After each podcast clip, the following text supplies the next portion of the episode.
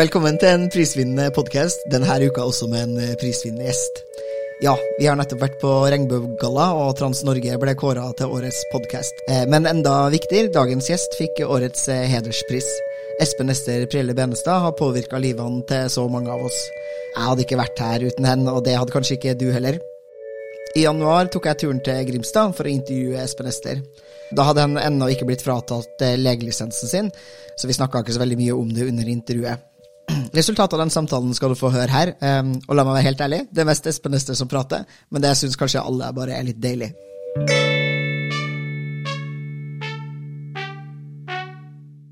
Ok. Uh, du må starte med å fortelle hvor vi er.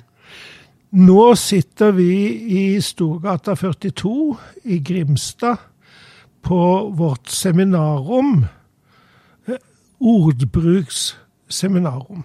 Vi har et firma som heter Ordbruk. Og vi driver da noe som heter Grimstad Empatinstitutt. Mm. Empatiinstitutt. Mm og det står for Medisinsk psykologisk allmennterapeutisk institutt. Så her driver vi terapi og har litt seminarer av og til. Og ehm, ja, litt doktor fremdeles, men veldig mye terapeuter. Ikke minst for uh, folk som har transtalent. Mm. Ok, til dem som mot formodning da, hører på min podkast og ikke vet hvem du er. okay. Hvem er du? Jeg er Espen Ester Pirelli Benstad, og um, er 73 år gammel. Ja. Hvilke pronomen bruker du?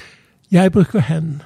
Men jeg, jeg snur meg liksom uansett, for jeg tenkte at eh, hvis jeg skal snakke med folk, så nytter det ikke å bli stoppa at de bruker feil pronomen, liksom.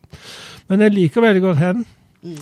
Det, det, som jeg kanskje syns er litt tustelig, det opplevde jeg senest i går, det at når jeg absolutt er i kvinneuttrykk, og kanskje har anstrengt meg litt til og med med å sminke meg og sånn, så sier folk 'han'. Og da hender det, når jeg har akkurat i det hjørnet, så sier jeg 'Hvorfor snakker du til pikken min, kan du ikke snakke til meg?' ja. ja. Sånn er det. Jeg også, blir også litt sånn imponert over det, fordi jeg kan forstå at noen mennesker kan jeg kan se noen og tenke at ok, den der personen vil jeg anta at ble registrert som gutt ved fødsel. Mm -hmm. Men jeg tenker også Men du ser jo at det her er et menneske som nettopp har brukt litt tid på å ja, uttrykke noe som er stereotypt litt mer feminint enn det. Ja. Og da tenker jeg at ikke bare er det liksom sånn at du lar være å se det, men det er også litt fascinerende at hjernen din fortsatt går til han. Ja. Når du står foran et menneske som unektelig uttrykker seg som det kulturen er kjent med. Ja, og jeg gjør jo det, for, så, for jeg switcher jo mellom to hoveduttrykk. da. Mm. Jeg har en masse mellomuttrykk også, men det er ikke alltid jeg har de ute i det helt offentlige rommet. Det hender, det òg. Nei, jeg syns det, det, er veldig rart. Og det er mye som er rart i det der. Uh, jeg husker jeg var på byen i Oslo en gang. Da stasa meg veldig opp. Uh, og da så satt jeg i en bar der, da. Og ble sittende ved siden av en kar som eh, kanskje flørta litt. Jeg skal ikke se bort fra det. og, og han bestemte seg umiddelbart for at dette var en kvinne. Mm. Og så sier han etter hvert du har jo en veldig spesiell stemme. Så sier jeg ja, det. Men det endra ikke hans oppfatning. Han hadde bestemt seg, så det, det, er noe sansemessig her som er interessant. Mm. Så jeg tror nesten jeg kunne gjort hva som helst. Og han ville fortsatt med det. Ja, men det, uh, det er jeg enig i. Jeg tenker at folk altså til de grader antar at folk er cis-skjønna, til det motsatte er bevist. Ja. Så mye at når de først har bestemt seg for det, så er det sånn Jeg har sittet og snakka om sånn med folk om å ha erfaring med å ha menstruasjon. Ja. Uh, og liksom snakke åpent om eggstokker og ja. det vulva og det som er. Og fortsatt så er, så er, de sånn Lurer på hvordan det har gått seg til. Har også, det her har jeg hatt en veldig artig med Alexander om en gang. Men det var, vi har begge to opplevd å ha sex med noen som i etterkant har spurt oss hvorfor vi har valgt å få oss operert til å ha en vulva. når vi er menn. Ja, er ikke fantastisk? Det er helt nydelig. jo, og det, det man, man, man, man gjør altså den greia. Uh, man bestemmer seg. Det er liksom det eneste jeg kan si om det. Og, og hva den bestemmelsen hvordan den går, altså med mekanismen, har ikke peiling. Men um, det, den filmen som 'Like It Hot', med Tony Curtis og himmel, hvem er det andre det han uh, snakker om? Men iallfall uh, En av filmhistoriens morsomste replikker det er at denne andre, for de måtte kle seg som kvinner for å komme unna noe plott og greier, i alle fall, så er det en veldig rik mann som blir forelsket i, i um, den andre. Og de skal jo gifte seg, ja da. Og han er veldig fornøyd, han rikingen. Og, og, de kjører da ut mot rikingens yacht, som ligger der ute i Middelhavet. og, så, eh, og så blir denne mannen får de kalde føtter, da, så ser han at de, om alle tingene om at han var sånn og han var sånn, og så til slutt så ser han But I'm a man! Og så tar han av seg parykken, og så sier den rikingen Nobody's perfect. Nei, Han hadde bestemt seg. ja. ah, ok, ja, det er spennende. Um, ok, så det, jeg har jo invitert deg, eller jeg har invitert meg selv hit til Grimstad. Ja. Uh, og jeg har liksom hatt lyst til at du bare skal fortelle meg egentlig alt. Men det, det blir kanskje litt mye. Kan bli mye. Ja. Jeg har holdt på lenge. du har holdt på lenge. Men eh, hvis du skulle fortalt Og så skal du huske på at dem som hører på denne podkasten, er transfolk og ikke cis-folk. Ja, det er så fint. Ja, det synes jeg. Eh, hvem, hvem er du da? Skal vi ta det fra begynnelsen, på en måte? syns vi skal ta det fra Ja. begynnelsen. Ja, nei, jeg er jo født og oppvokst i denne byen som vi sitter i, og jeg hadde jo egentlig en eh, veldig bra oppvekst. Vi, vi brukte hele byen som lekeplass. Vi visste hvor alle smugene var, vi visste hvor vi skulle gjemme oss for hverandre. Vi hadde leker som omfatta store deler av sentrum, og kunne være 15-20 unger som holdt på med det. Eh, og, og hjemme så var det eh, Jeg har vokst opp i en heim med veldig, for den tiden, veldig høy faktor av humanisme, kan man kanskje kalle det. Det var slik eksempel Jeg er jo født fire år etter krigens slutt, og da var det fremdeles mye sånn eh, med nazister, da, sånn halvnazister og alt dette som de, fross, de ble frosset ut og, og sånne ting. Men eh, hos oss var det slik at hvis noen hadde stått for det de hadde gjort, og eventuelt tatt den straffa som man da mente var på sin plass, så var de velkommen inn. Slik at, at eh, jeg ble veldig vant til det at eh, gjør du noe gærent etter tidens eh, kriterier, og står for det og gjør opp for det, så er det fint. Og det har nok fulgt meg eh, opp igjennom. Så var, det, så var det mye Det var jo mye kunst hjemme da jeg kommer fra en sånn arkitektkunstner-salmedikterfamilie, i grunnen. Eh, så vi hadde jo mye diktlesing. Og jeg tror det var særlig mora mi og meg som syntes det var så ustyrtelig morsomt med, med Andrea Bjerke. Så alle lo jo litt av det der. Ditt og datt og dumme Petter sklir på sklien. Den er glatt, den, og dette er det Petter, eller er det datt som detter, eller var det ditt som datt? Det syns jeg fremdeles er styrtende morsomt når, når, liksom, når, når ordene danser. Så, så det var nok også et preg som jeg har absolutt tatt med meg. Eh, Jeg lager jo regler sjøl. Og så var det havet. Det var 300 meter unna, liksom. Og det kunne brukes til alt. Eh, Det kunne brukes til å seile på, det kunne brukes til å stå vannski på, det kunne brukes til å dykke i, og, og det, å svømme i. og Alt dette her. Kjøre motorbåt, dunke, dunke, dunkebåt. Fortebåter også, jeg har hatt det òg. Så, så havet for meg er en venn med mange hender som hilste på meg veldig tidlig i livet. Og så var det dette da med, med kjønn. Eh, det, jeg hadde noen opplevelser på det veldig, veldig tidlig.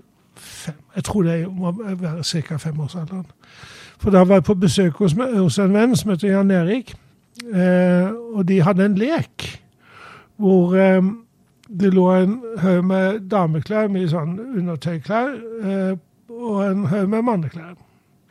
Og så ble jentene satt foran den haugen med manneklær, og guttene foran den haugen med jenteklær. Og så fikk man bind fra endene, og så skulle man da gå og så finne, eller ta på seg, prøve å ta på seg disse klærne. Og Så ble det mye komedie ut av det, at det ble opp ned og sånn. Og jeg sto i den jenteklærkøen og ble mer og mer spent. Og enda mer spent. Og så måtte jeg på do. Så jeg gikk på do, og der ble det nok en stund, for da jeg kom ned igjen, så var leken over. Så jeg kom jo aldri frem til den haugen. Og, og, det syns jeg var veldig leit, og samtidig så skjønte jeg at jeg hadde en lyst som de andre ikke hadde. Så jeg tror jeg så det allerede da, for de andre forholdt seg liksom veldig lettvint til dette her. Og, og, kanskje var det noen flere enn meg som hadde sterke følelser på det, det vet jeg ikke, men jeg hadde det iallfall. Så i flere år etter det så prøvde jeg Det ble liksom min lille nøkkel inn til å kunne kle meg som jente. Det var å lage den leken, altså foreslå den leken, da. Mm -hmm. Og så så hadde jeg to venninner. Det var Ellen og Britt. Og vi var på loftet i mitt barndomshjem, som er nabohuset her for øvrig. Og da fikk jeg ordna det. Da lagde vi haug og skulle ta på oss. Jeg husker en sort underkjole som var veldig, veldig fin. Så den hadde jeg jo så lyst til å ta på meg. Så mens vi holdt på, det, på med det, og jeg holdt på med den underkjolen, så sier da hun som heter Ellen, du liker visst dette du, Espen. Jeg gjorde det aldri mer. Så, så, jeg vet hva skam er. Eh, men jeg vet også hvordan du kan eh, eh Jeg kaller det master of disguise, så altså, ingen kan se på meg hva jeg føler. Mm. som regel. Så jeg fikk veldig veldig god trening i det. Så når jeg så ting som liksom virkelig fanga blikket mitt, og som jeg hadde vanskelig for å la være å se på, så, så klarte jeg å skjule det. Bortsett fra en av mine beste venner i ungdommen, som er i barndommen og ungdommen, som heter Pål. Han er fremdeles i Grimstad. Og har blitt arkitekt og alt mulig. Så da jeg fortalte han om eh, min transtalent, så sa han det har jeg visst lenge. Og jeg har vært litt fornærma på det, fordi at du aldri fortalte meg det. Ja. og da tror jeg jeg fikk bekrefta noe med at eh, det er ikke så farlig å dele med seg. Vi kan jo ikke demonstrere noe annet enn å, vår menneskelighet. Det er jo noen som sier at det er unaturlig, det vi er. Og da pleier jeg å spørre å ja, hvis vi ikke er naturlige, er vi syntetiske, da? Mm. Og så enig med folk er sånn Ja, biologiske kvinner, biologiske menn. Så er jeg sånn Vi er jo biologisk, vi òg. Vi er liksom det, da. Ja. Hjertet slår, og tanken tenker. Men jeg skjønte jo da, hvis vi skal holde oss litt i barneoppvekst, så skjønte jeg jo da at dette holder du for deg sjøl. Eh, og som relativt ung så syntes jeg det var storartet å være alene hjemme, for jeg hadde både en mor og et par søstre som jeg kunne låne klær, og da skulle jeg være jente. Mm. Så var jeg det til eh, en liten stund før resten av familien kom hjem. Så, eh, så jeg hadde mitt hemmelige liv. Og så var jeg veldig god til å være gutt. Jeg har jo vært eh, privilegert på mange vis. Altså, vi hadde god råd, og pappa var doktor, og han Han hadde kontor i første etasje, sånn tilsvarende det vi sitter i nå. Det er jo en del av våre kontorer. Og Vi kunne banke på hans dør, og da kom han ut i sin hvite frakk, og så kunne vi spørre om vi kunne få en kronetis, og så fikk vi en kronetis. Så, så, så, han var på en måte veldig, veldig nær, eh, og var der hele tiden.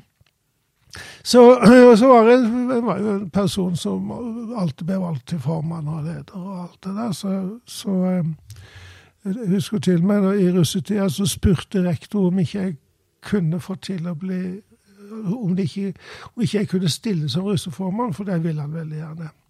Men veldig klassisk det at jeg har ofte blitt valgt til ting. Og jeg vet ikke riktig hvorfor. Eh, inngir vel kanskje en form for tillit, sånne ting. Og så eh, tror jeg at eh, at jeg alltid har vært ganske flink til å se folk. Uh, og høre hva de har å si, liksom. Sånn type alltid, alltid dette spørsmålet bak i hodet. Hvem er du?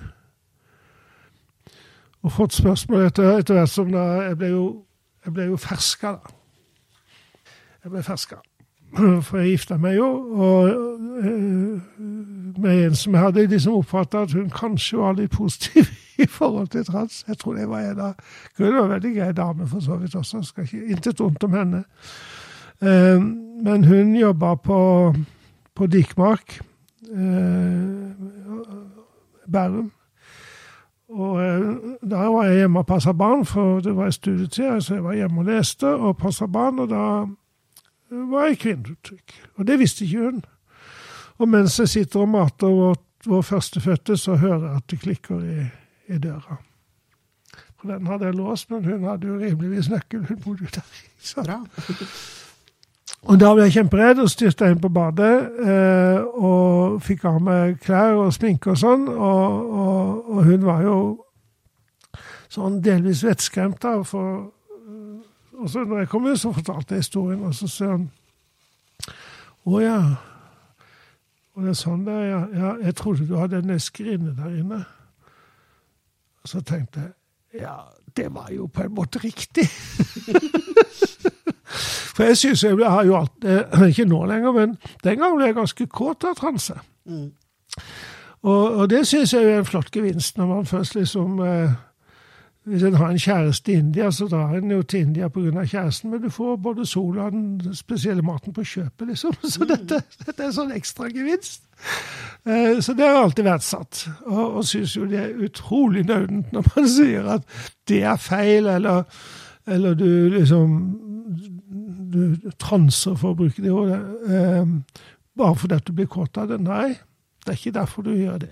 Du gjør det for å få bekrefta noe inni deg som er viktig å bekrefte, og så får du kåtheten på kjøpet. Hurra på jorda! Win-win. Ja, Man trenger ikke være så redd for kåtheten. Nei, skal vi vel? Og der synes jeg at vi som, vi som art, eller transpopulasjon, er blitt veldig avseksualisert. Og det ser jeg nå blir borte. Og det er jeg kjempeglad for. Mm. Og så er det jo noen altså I en sånn sammenheng som dette her, så syns jeg det er greit å si at det er noen, noen tørrpinner av noen cis-folk som sitter og bestemmer hvordan det skal være. Og som er redd for seksualiteten. Virker sånn, iallfall. Eh, og som er redd for at, eh, at vi, vi eh, transer for å bli kåte. Og det vil de ikke være med på, for det er jo litt syndig å bli kåt. Ja. Eller noe sånt. Nei, Jeg er enig i det at det, det finnes én riktig og ren og pen måte å være trans på. Den, ja. den skal være lite sex i den. Ja, lite sex i den. Du skal iallfall ikke bli kåt av selve transingen. Nei, det. Nei. Ja. Skal ikke det heter autogynefili, autoandrofili og eh, Jeg tror det var borti en som sa at uh, at han var autoandrogynefil. ja, det kan ha vært meg. jeg skal lure på om det ikke var det. ja, men jo, jeg, jeg syns jo eh, Jeg syns det har vært en spennende reise i at det er for meg, da, som Jeg hata jo femininitet som barn. Altså, hadde jo ikke, altså sånn Kjoler og alt det ga meg jo helt krupp. Ja. Men med en gang verden begynte å se meg og forstå meg som mann, så syns jeg jo det at det å utforske femininitet er utrolig mye mer spennende. Ikke sant? Både sosialt og også for så vidt seksuelt. Mm. Ja. Og jeg tenker det at det er jo på en måte vårt privilegium at vi kan øh, overskride denne såkalte binariteten. Og at det gir oss øh, erfaringer som andre ikke har. Mm. Det gjør oss ikke bedre, det gjør oss ikke dårligere, men det gir oss et perspektiv som vi kan dele med verden. Eh, så det syns jeg jo etter hvert har vært veldig vesentlig. Det er jo å være, altså være åpen med det du er, eh, i alle fasongene det måtte komme. Og, og eh, dette har jeg sagt før, men jeg syns det er en ganske viktig greie likevel. For Jeg tror jeg var 5-26 år, og vi skulle kjøre til Påskefjellet uh, på Hovden. Toppen av Sesdal. Og på vei dit så kjørte vi gjennom bygda Valle, som er en ganske vakker bygd, uh, med bratte fjellsider. Og himmelen var altså så blå som den bare kan bli når det over disse bratte fjellsidene er hvite vidder mot det blå. Fantastisk vakkert. Mm. Og, og sånn omtrent midt i Valle, så Ja, noen ville si kanskje at det var en stemme som snakka til meg, eller det bare datt ned i meg, syns jeg er et bedre uttrykk. Det bare datt ned i meg at hvis noen skulle stå frem som trans i Norge, så skulle det være meg. Mm -hmm. Sånn var de. Så jeg grubla litt på det oppover dalen, eh, og det tok jo mange år før det skjedde. Jeg tror 18 år, noe sånt. Men jeg bare visste at en dag så skulle vi gjøre det. Eh, og når jeg traff eh, mitt livs store, store, store kjærlighet, Elsa, så planla vi det. Eh, og vi venta i grunnen bare på den eh, som kunne gjøre dette på en sånn måte at vi syntes det var greit. Mm. Og det var vel i 1993 på en annonserett, TV 2, tror jeg, med Kristina Støb. Og hun hadde akkurat, akkurat den handlingen. Men i mellomtida så var det jo en veldig offentlig hemmelighet i Grimstad at jeg var trans. Ja. ja, ja, ja. Alle visste det. Alle visste det. Ja, ja. så, uh, uten at det gikk utover noen ting. Um, for det er jo også en frykt jeg hadde, da, den eh, indre katastrofen, at hvis, hvis, folk visste dette, så ville de jo Så ville jeg bli forkastet. Ehm, det snakkes ofte om avvisningsangst, men forkastelsesangst er enda verre. For da er du null verd. Trash. Så det, det var jo en sånn katastrofe som hadde vært der men som hadde etter hvert så mista det taket. For vi hjemme hadde jo en drøss med leksika og familieboka, jeg veit ikke hva. Eh, så veldig ofte når vi liksom hadde familiemiddag alle var samla, så måtte noen slå opp i leksikon fordi det dukka opp et ord eller et eller annet vi ikke visste hva var. Så leksikon for meg, fra ung alder, det var sannheten. Mm. Men inni de bøkene, der bodde sannheten. Eh, og det er klart at etter hvert så skjønte jeg altså Det første ordet jeg fikk, det var transvestitt. Mm. Og, så, eh, og det tror jeg fant i et ukeblad, som jeg selvfølgelig gjemte godt i nattbordet mitt. Jeg hadde en god bunke der med sånne ting som jeg fant. Brukte mye tid på å leite frem i alders og hjem, jeg vet ikke hva. Sånne historier. Um, og da gikk jeg selvfølgelig i leksikon, da. For å finne ut hva det innebar. Og der sto det at det var en sykelig trang til å iføre seg det motsatte kjønns klær. Det er nesten så jeg kan se skrifttypen fremdeles. Mm. Eh, det var jo som å få et slag i magen. Og det er jo sørgelig at fremdeles er det noen som formidler omtrent det samme, altså i 2023. Ja. Og det blir selvfølgelig fremdeles et slag i magen, eller under beltestedet, som det heter. Men Og jeg tillegger nok det litt at, at uh, jeg fikk tidlig i livet vite at grunnen til at jeg i det hele tatt var til, det var, at, det var fordi Trygve døde. Ja. ja. Og, og, mine foreldre de planla sine barn. Eh, de skulle ha et barn først, og så skulle de ha et barn til to år etter, og så to år etter. Så de fikk eh, en som ble eh, forventet å bli jente, og det ble han. og en som ble forventet å bli mann, og det ble han. Og så fikk de en forventet å bli mann, og det er en til med automatist, som heter Trygve. Og det merkelige med Trygve, det er at det fins ikke film av. Uh, og min far var jo sånn som hadde filmkamera, for noen andre hadde det. Siemens, som han trakk opp og filma. Fins ikke noe av Trygve. Men han døde tre måneder gammel. litt uklart hvordan det skjedde. Jeg tror det var en sånn type krybbedød, egentlig. Men det de fortalte meg, da, at det var siden Trygve døde, så ble jeg til. så det var litt dilemma, da. Skal jeg være takknemlig for at Trygve døde, liksom?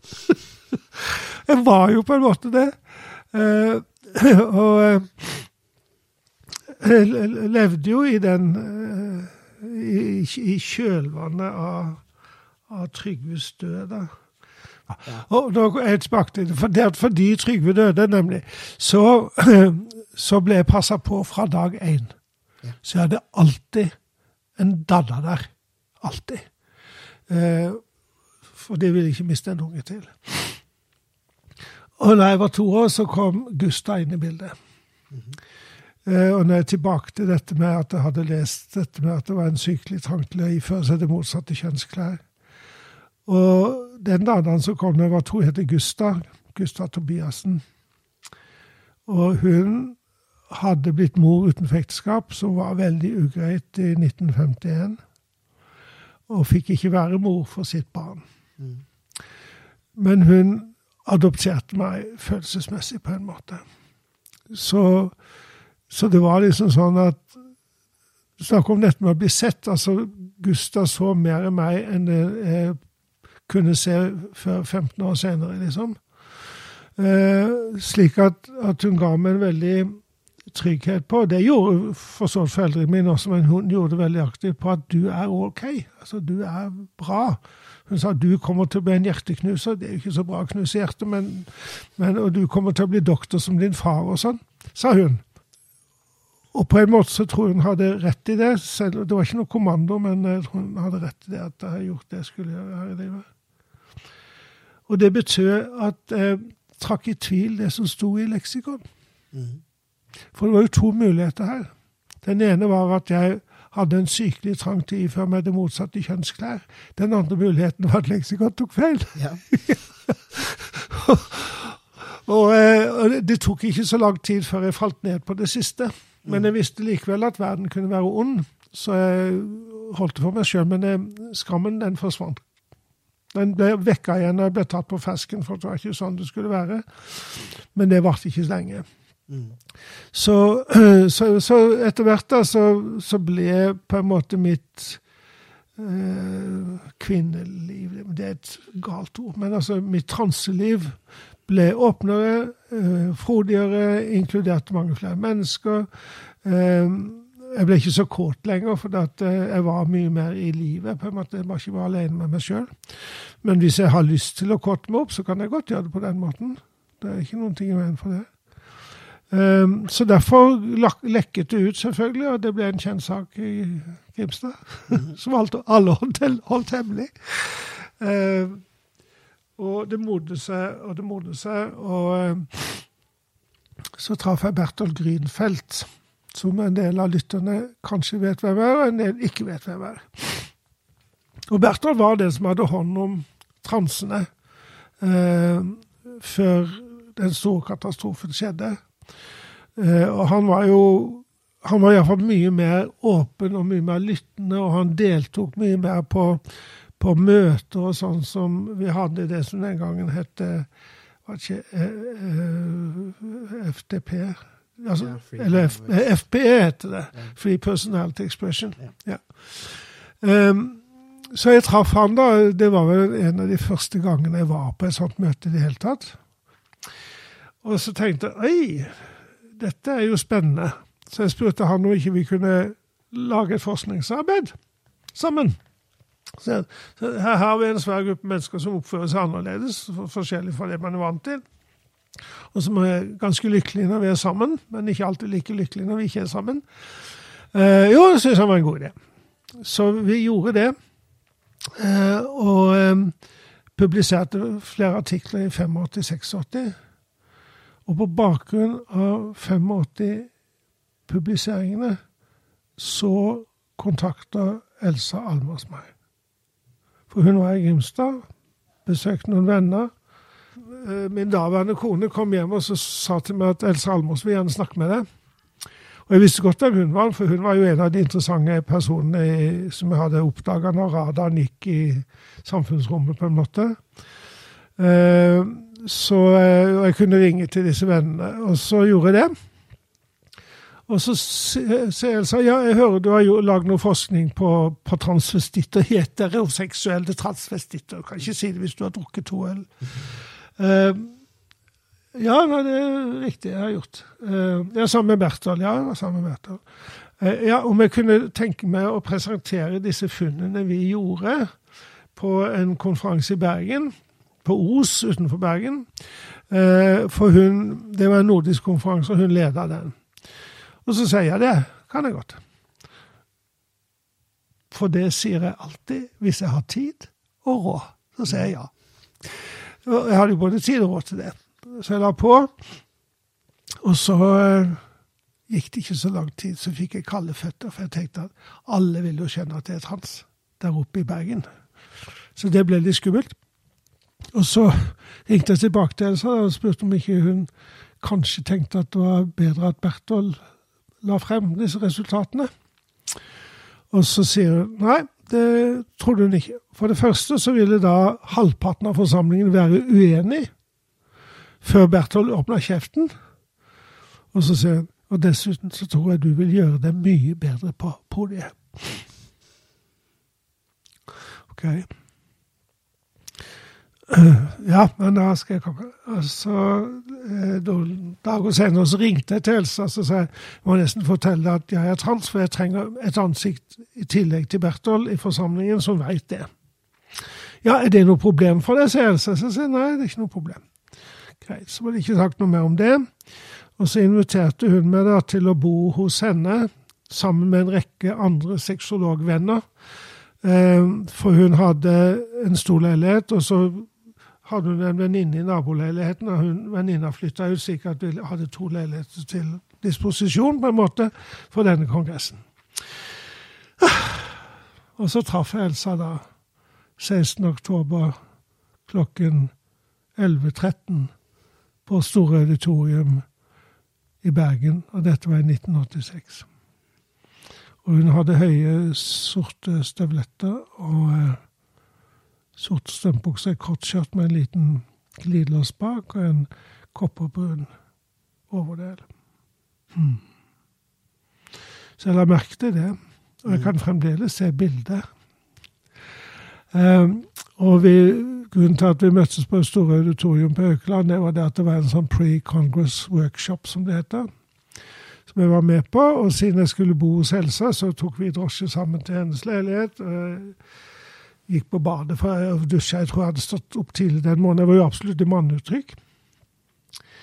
Eh, og så sto jeg på gangen der, eh, entreen kanskje, og så kom etter hvert alle sexologvennene. Og de var så hjertelige mot hverandre, og de klemte og de smilte og gikk forbi meg og inn i stua. Og så kom en ny. Klemt og smitt, gikk forbi henne. Så jeg sto liksom der som en sånn en slags utstillingsfigur i entreen. Ja. ja. Eh, og så eh, Plutselig så kom det en liten dame som kom bort og hilste på meg. Og så sa jeg hvis vi nå gir oss selv tillatelse til at blikkene våre møtes, så blir vi kanskje så gode venner som alle de som jeg har sett gå forbi her nå. Ja, og Så så vi litt på hverandre, og så ble vi så gode venner, og så gikk jeg med inn i stua. Mm -hmm. eh, og da hadde jeg lagt merke til en høy, flott mann uh, som Eh, det var mange fine folk, men han var spesielt flott. Så jeg, når jeg skulle begynne å hilse, så begynte jeg å hilse på han, da. Jan Henrik Pederstad. Uh, og når jeg sier hvem jeg er, så sier han 'Å, Benstad, ja, det er du som er transvestitt'. Uh! Det er sånn du kommer ut av skapet uten helt, helt å være forberedt på det akkurat da. Mm. Så sier jeg det er riktig. Og Så viser det seg at Elsa har jo selvfølgelig fortalt alle sexologvennene om denne transvestitten som skulle komme. For jeg hadde jo sagt at det ikke var noe problem. Ja. ja. Så sånn var det. Og senere samme kveld så spiser vi middag på Enhjørningen på Bryggen i Bergen. Og Elsa og jeg blir sittende ved siden av hverandre. Og de andre som var der, sier i ettertid at vi enset dem ikke. Og når vi gikk derfra, gikk vi ned en trapp, og da forsto hendene våre, før vi selv hadde fattet det, at vi hørte sammen. Så Elsa løp inn på herretoalettet og ga nøkkelen til leiligheten til nettopp Jan Henrik, og sa 'vi kommer etter hvert'. Så, eh, så da gikk vi ut i Bergen by og klatra over gjerdet til Den botaniske hagen og, og ble enige om at dette er alvorlig. Dette må vi bare lytte til, kan jeg si. Så det gjorde vi, da. Eh, og det ble jo vondt for mange. Eh, men min eks sier nå at det er noen skilsmisser jeg forstår, og noen jeg ikke forstår. Og din og min skilsmisse, sier hun til meg, den forstår jeg. Og jeg misunner Elsa og deg den kjærligheten dere har for hverandre. Så sånn har det blitt. Eh, så det er en sånn kjærlighet ved første blikk-historie. Veldig søtt, da. Ja, det er jo det. Og dere virker jo fortsatt veldig forelska. Ja, vi er det. Dere er, Ja, ja, ja, ja. Å, dere er så søte. så du har vært eh, Det er konferanser, da. Du har truffet Elsa, og Mm. det, du har truffet andre transfolk, og du har Mm. Hunget rundt med hvert. Jeg var jo liksom dronning i Skandinavia på det tidspunktet vi var på den konferansen på Os. Jeg hadde jo sagt at nå er, nå er jeg her. Så vi hadde jo et lite møte nede eh, på, på mitt rom. Der hadde jo sørga for å få dobbeltrom og eller dobbeltseng og alt dette. Eh, Og da eh, traff Elsa meg første gang i kvinneuttrykk, og da sa hun Nå må du passe på meg. Nå må du holde rundt meg, for dette var sterkt. Mm. Uh, Så vi har jo selvfølgelig hatt en prosess, vi også.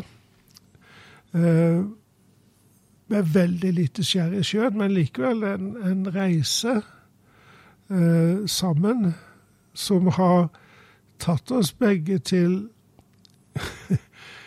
til et sted at det er ikke sikkert hun husker hvilket kjønn jeg så ut som i går, liksom. Og det er sannelig ikke alltid jeg husker det heller. Jeg kan også ta meg selv når jeg skal på do. Jeg sa, Åh, hvilken do skal jeg på nå? så, så det er blitt eh, Altså hele dette med hva du har utapå Det er ikke sånn, det er ikke så mye selvbevissthet på det som man jo ofte har fra begynnelsen. Det tror jeg veldig mange vil kjenne igjen. At det første gang du uttrykker det, det som det du føler du er mest eh, det gjør deg veldig selvbevisst. Liksom Man blir opptatt med uh, Ikke nødvendigvis å gå riktig sånn, men du liksom det, Selvbevissthet er et, det beste ordet jeg har på det. Så, så alt det har jo blitt borte etter hvert. Og så, hvis jeg kan assosiere fritt videre Det kan du. ja, for da jeg var ferdig med gymnaset eh, og, og fikk gode karakterer der, men jeg trengte et par ekstrapoeng for å komme inn på medisin. Jeg kom inn i Aberdeen, men jeg hadde lyst til å være i Norge, slik at jeg var hjelpesøster et år. På Lovisenberg sykehus. Søsterhjelp, heter det visst. Eh, og, eh, og da begynte jeg å dikte. Så nå er det første jeg dikta der, det, det er så langt eh, i grunnen at det er ikke så lett å legge det inn i en podkast, men det er ganske morsomt. For det handler om 'God dag, jeg er herr Eriksen og hjemme på do'. Men hvor er nå stedet doen? Den mangler jo. Og så er doen er borte, buksene er borte. Jeg har kun en skjorte. Men å, å, som jeg må! Jeg må nå. og da skjønte jeg at jeg, hadde, at jeg kunne lage regler. Eh, og det tok ikke så lang tid før eh, det kom en, et dikt da, som jeg har bearbeidet siden. Eh, det, det lå veldig mange år å ha samme begynnelsen på det. Og det syns jeg kanskje en podkast som dette er verdt å ta med. Skal vi se om jeg kan huske det. I hjemmet, gjemt bak mørkt gardin, jeg inntil nå har gjort meg fin. Av redsel for enhver som kunne se, har jeg alene utført det som mine drifter drar meg til, som mine sanser gjerne vil, som ikke min forstand forstår, og som har bodd i meg i alle år. Noen kaller det en maskerade, med lånte fjær og med en kvinnes fasade. I hjemmet mitt var det dødsens tyst. den tier still, hvis skjulte lyst går imot hva Gud og hvermann sier. Det er i frykt for straff man tier. Gjør ikke ting bak mørke gardiner som opprører prester, sykkmedisiner. Ja, de sier det er sykt. Ingen mann er en kvinne. De ser ikke livet og kraften der inne. I hjemmet mitt der slapp lyset inn, gardiner ble trukket til siden. Da våknet kraften i sjelen min, og jeg eide meg selv hele tiden. Det vonde ble borte, det mørke forsvant, jeg gjorde mitt opprør, jeg bannet og vant. Jeg fulgte min lengsel. Det var sånn jeg fant. At ingen, slett ingen fra noen kant, kan si det er feil, det som skaper slik, slik glede. Det gale, det er å holde det nede. Takk. Så, så, så det å, å påvirke verden med lyrikk fant jeg ut at det var eh, altså Jeg kan ikke si det er mer effektivt, men, men det snakker til andre deler av hjernen vår. Mm. Og, og, jeg var jo veldig aktiv i, i, i Nei til atomvåpen. Eh, og, og, da skjønte vi etter hvert at vi snakker bare til den samme menigheten hele tiden. Så ble det sånn ekkokammer. Så vi lagde et teaterstykke som jeg skrev mesteparten av, som heter 'Den sunne fornufts døde begravelse'. Mm. Så da begraver vi den sunne fornuften. og da, da er det prest foran, og så kommer det to med en tom båre. Og så er det en narr, da. Og jeg spilte narren. Så narren sier 'Hva er dette?' og så er dette en begravelse. Å ja! Liket virker veldig lett. Ja, det fikk ingen næring. Hva levde det av? Det levde av troen på seg selv.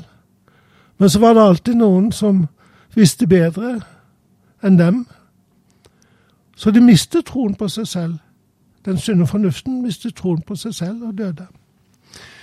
Uh, og det kjøres jo veldig fort over i, i dette at, at, hvordan kan man være behandla hvis man ikke tror på den som sitter på den andre siden av bordet?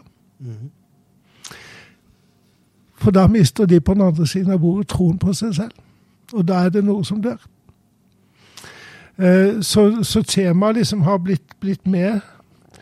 Eh, og på slutten så, så holder, holder, jeg da noe som jeg kaller for narrens tale. Og eh, den går sånn Jeg er en narr, men hør mine ord. Aldri har våpen skapt rett, og aldri har våpen lagt mat på de fattige spor.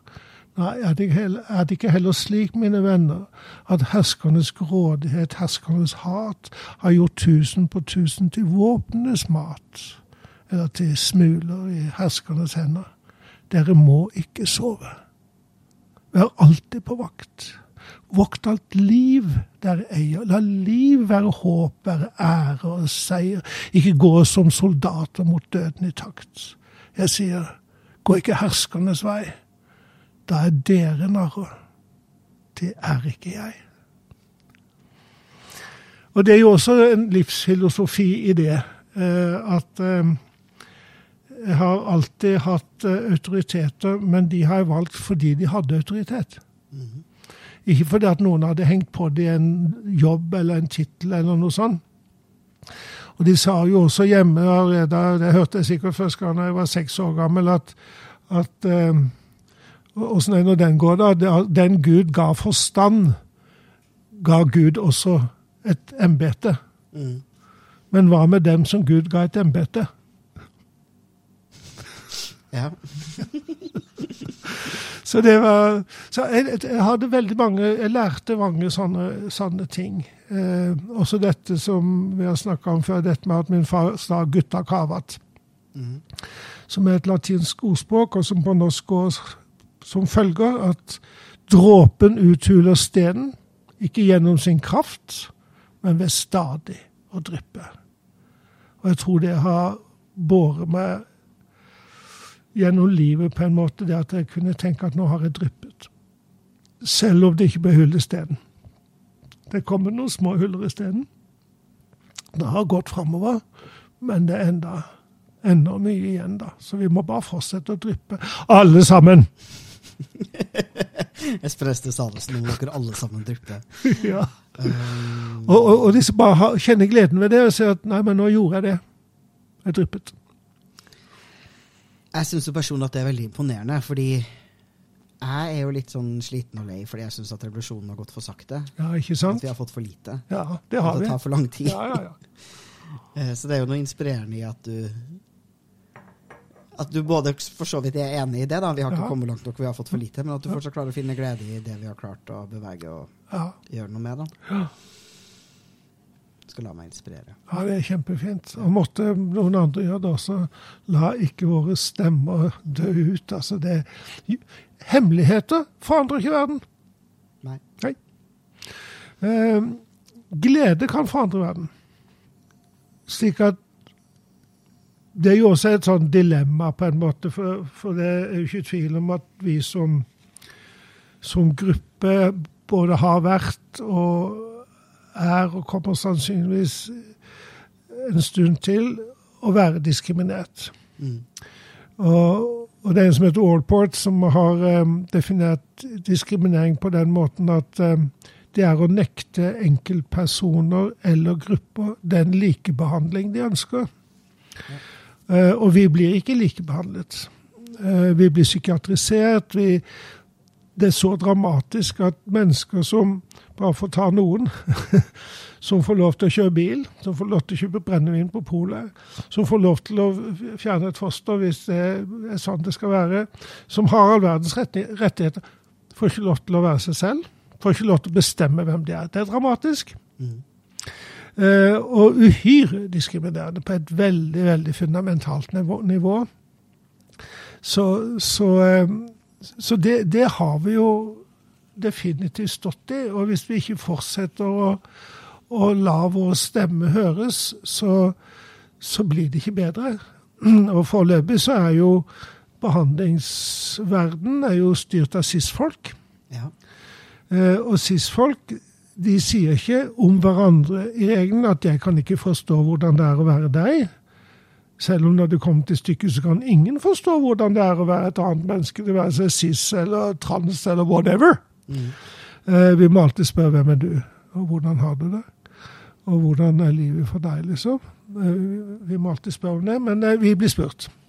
Den, vi blir spurt om hvordan vi har sex. vi blir spurt om, De spør meg om jeg er du operert. Mm. Og da svarer jeg alltid ja, det er det. Jeg har fiksa øyelokkene. Veldig flotte, da. ja, ikke sant?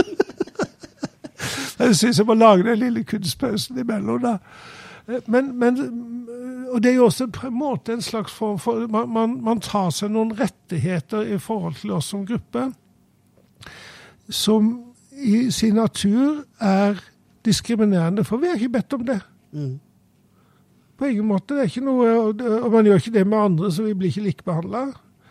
Eh, og, og så, så, er det jo sørgelig da at det finnes på en måte to skal vi kalle det ideologier eh, i Norge når det gjelder eh, helsetilbud til transpersoner. Og, og, den ene ideologien praktiseres på Rikshospitalet. Jeg må si jeg kan ikke beskrive den, for det er ikke min ideologi. og Jeg, jeg forstår den egentlig ikke. Mm. Jeg bare kjenner igjen at veldig mye av det som sies, det var en diskusjon liksom for 20 år siden i sånn transkretser. Eller altså med de som jobber med transfolk og kjenner i det hele tatt. Da var man der med real life test, og, Mm.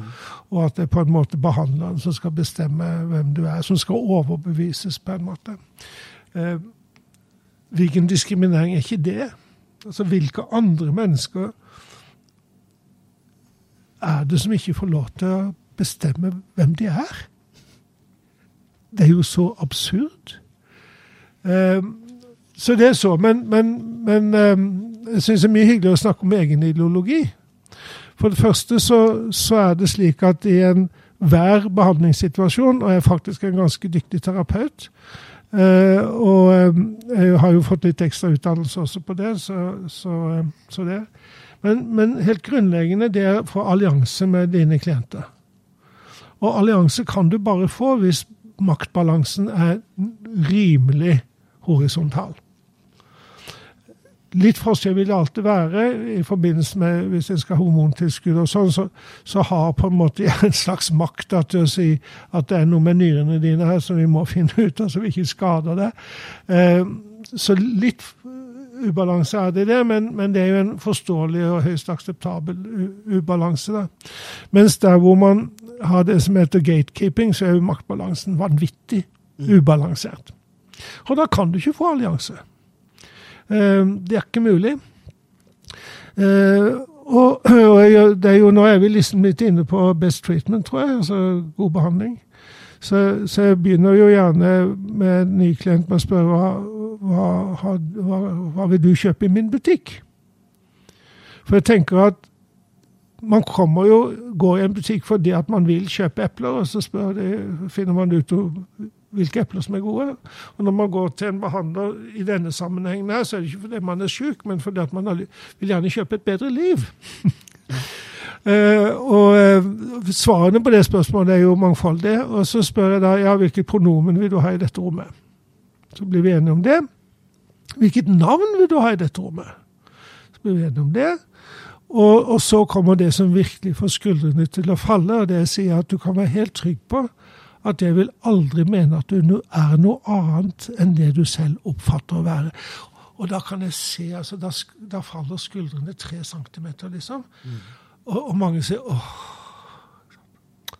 så fint at du sa det. Eh, og, og, dette er kanskje det mest fundamentale i, i det og, som jeg vil kalle for best behandling. Det er å gjøre disse Gjøre det så tydelig at, at jeg er ikke noe bedre enn deg. Jeg har en kunnskap som du har bruk for. Jeg har en reseptblokk som du kanskje kan ha bruk for. Det har jeg, så jeg har jo noe å tilby. Men, men eh, det er du som bestemmer hvem du er. Og, og, ut av den alliansen så kommer det en type samtale som, hvor det er mye tryggere å snakke om det som er utrygt. Mm.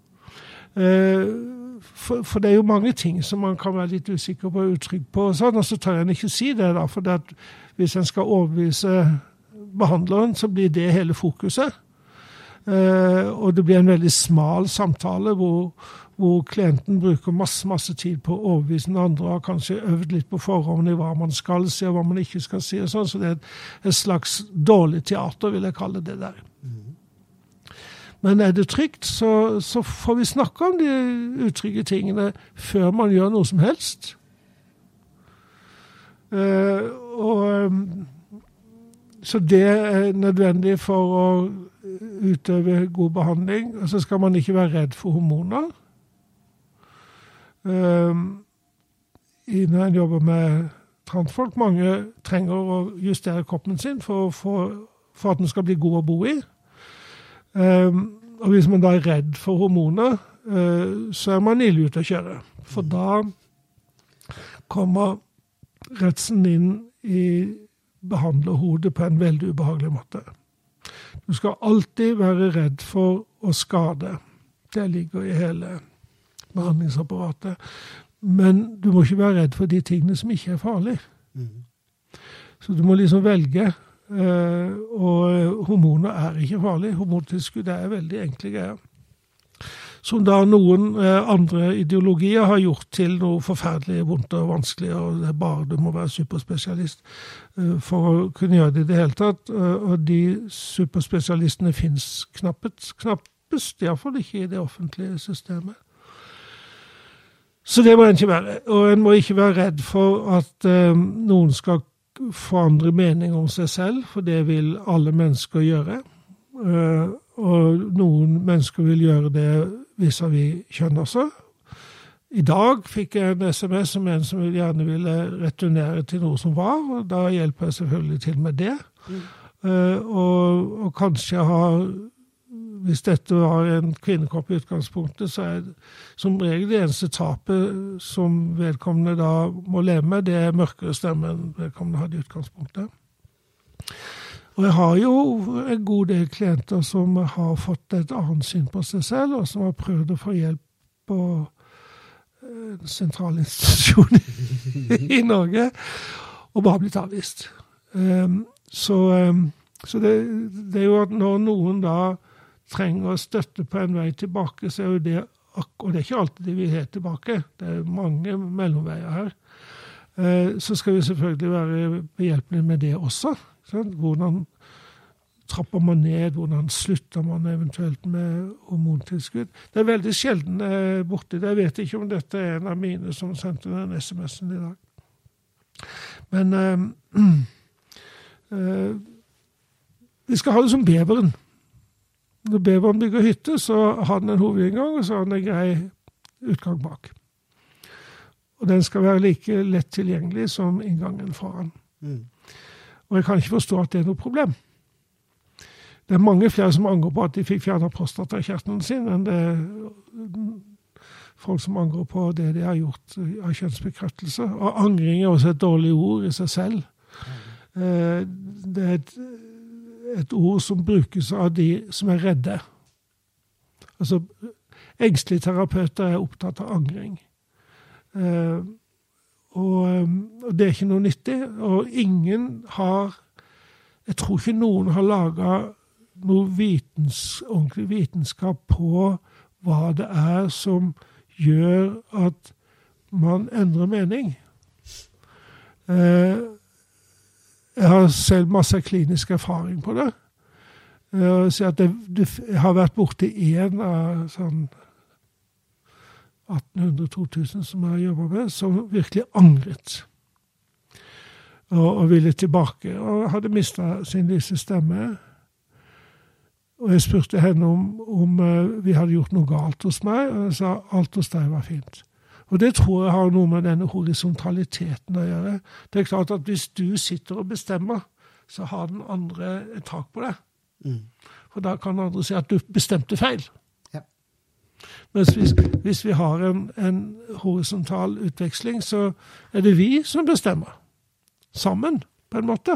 Med utgangspunkt i selvfølgelig i klientens ønsker og behov. Ehm, men det er, det er, veldig få jeg har sett som liksom har vært der. Så har jeg noen som har hvor prisen ble for høy.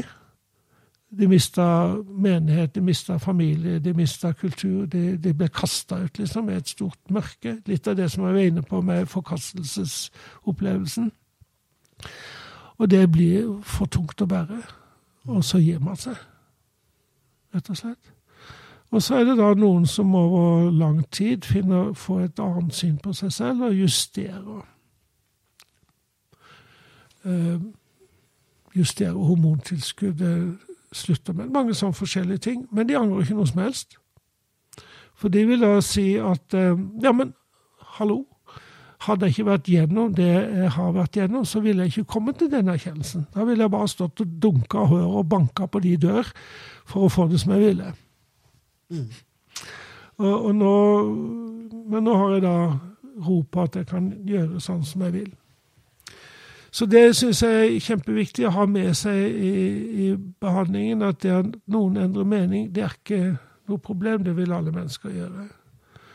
Uh, så uh, kanskje en skal si at god behandling er å møte den andre med kunnskap innsikt og kjærlighet.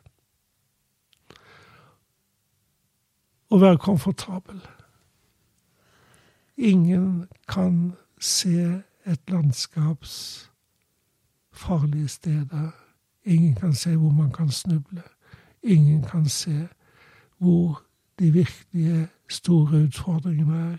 Ei heller kan de se landskapets skjønnhet fra 10 000 meters høyde.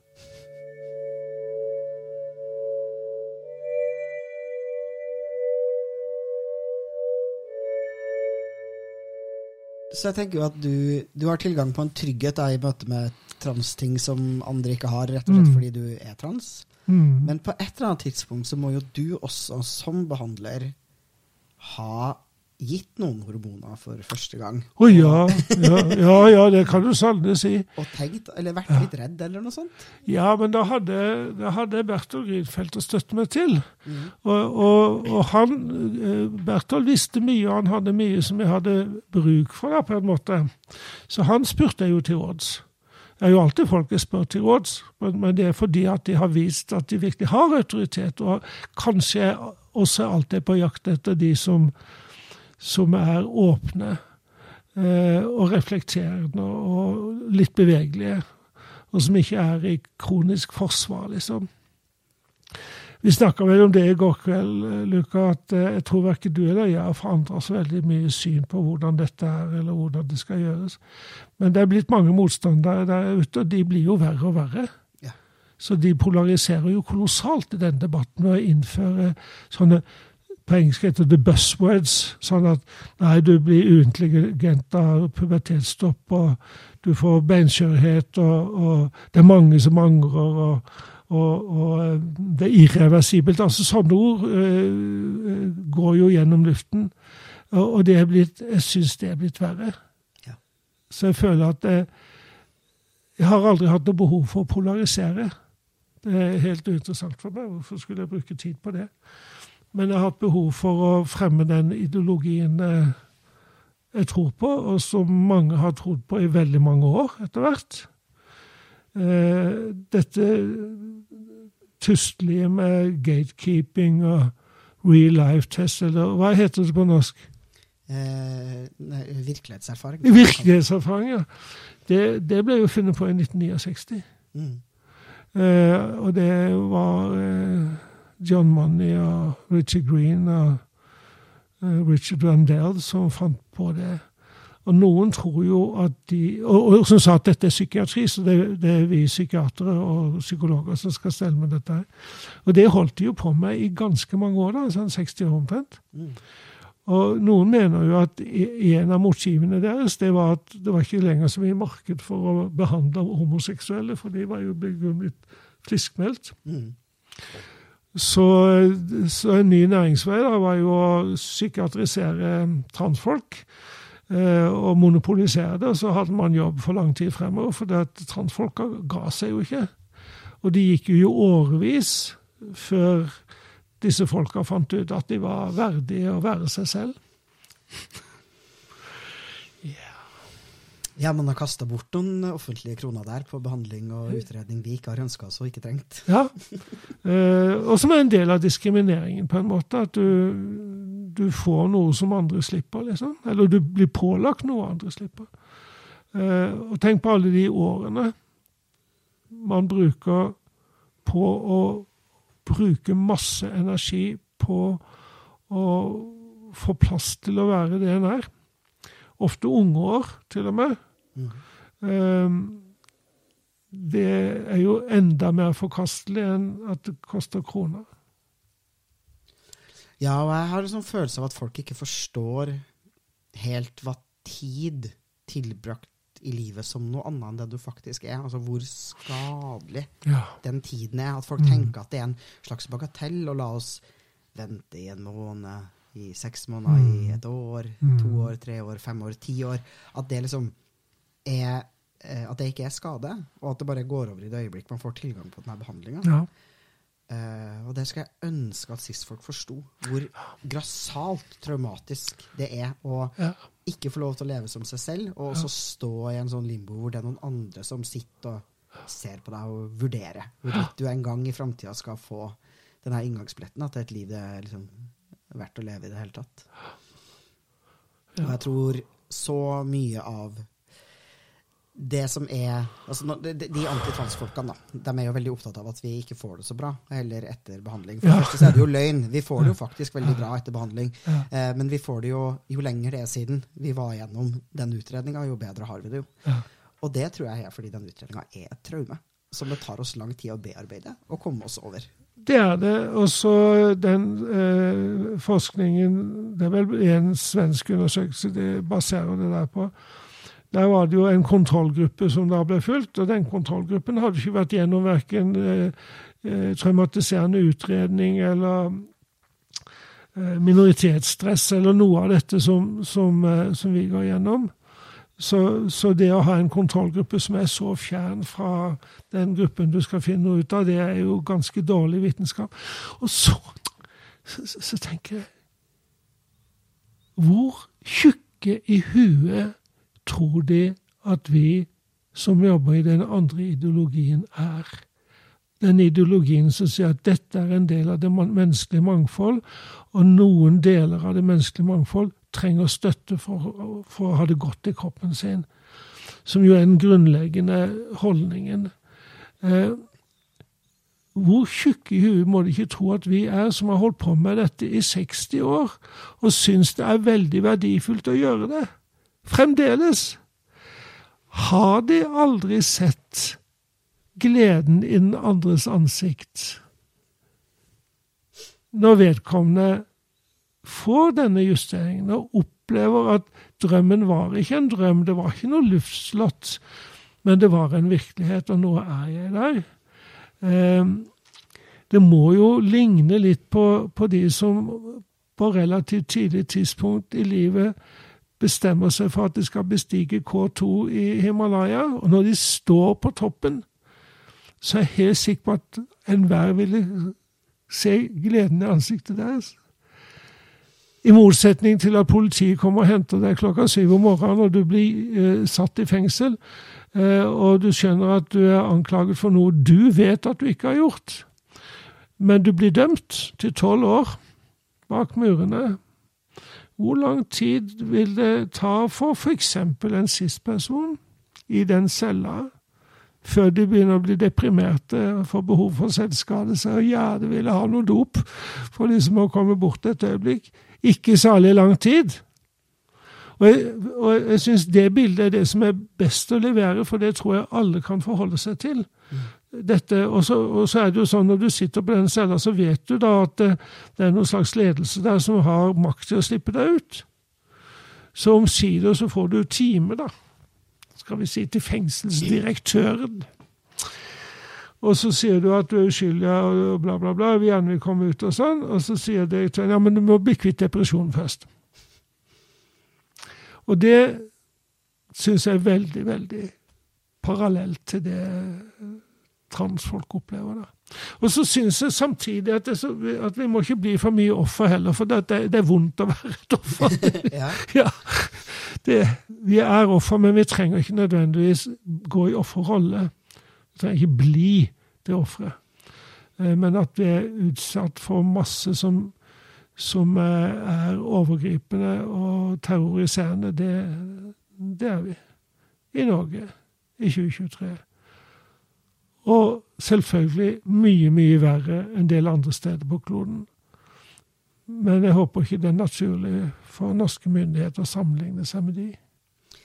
Nei, det føler jeg veldig ofte at vi som er trans eller skeiv generelt, også får veldig sånn beskjed om at det finnes både steder og tider hvor livet vårt ville vært verre. Så derfor skal vi på en måte være fornøyd med den ja. diskrimineringa vi blir utsatt ja, for i dag. Ja. Og jeg, altså, jeg forbeholder meg retten til å bli sammenligna med mennesker som er nær meg i både tid og geografisk plassering i verden. Eh, jeg skal ikke sitte her og være lykkelig fordi jeg blir diskriminert litt mindre enn noen ble for 50 år siden. Eller litt mindre enn noen blir som tilhører min gruppe i et annet land. Eh, og det er også en ekstrem bagatellisering av hvordan det faktisk påvirker mitt liv at mm. mennesker som er som meg, blir diskriminert i andre land mer, eller i andre tider. Fordi jeg føler jo at vi er samme familie, på en måte. Og så lenge ikke alle transfolk er fri, så mm. kan ikke jeg være fri heller. Um, og egentlig burde også cis-folk forstå at de heller mm. ikke kan være fri så lenge ikke alle vi er fri. Men ja.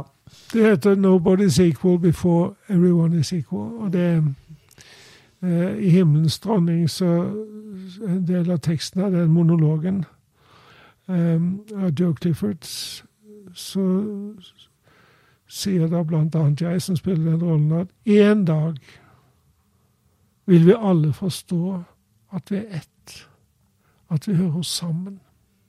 Amen. Amen.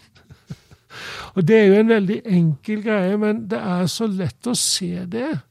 Altså, vi, vi eh, vi bor jo på denne øya i universet, så det er liksom vårt oppholdssted i tiden, på en måte.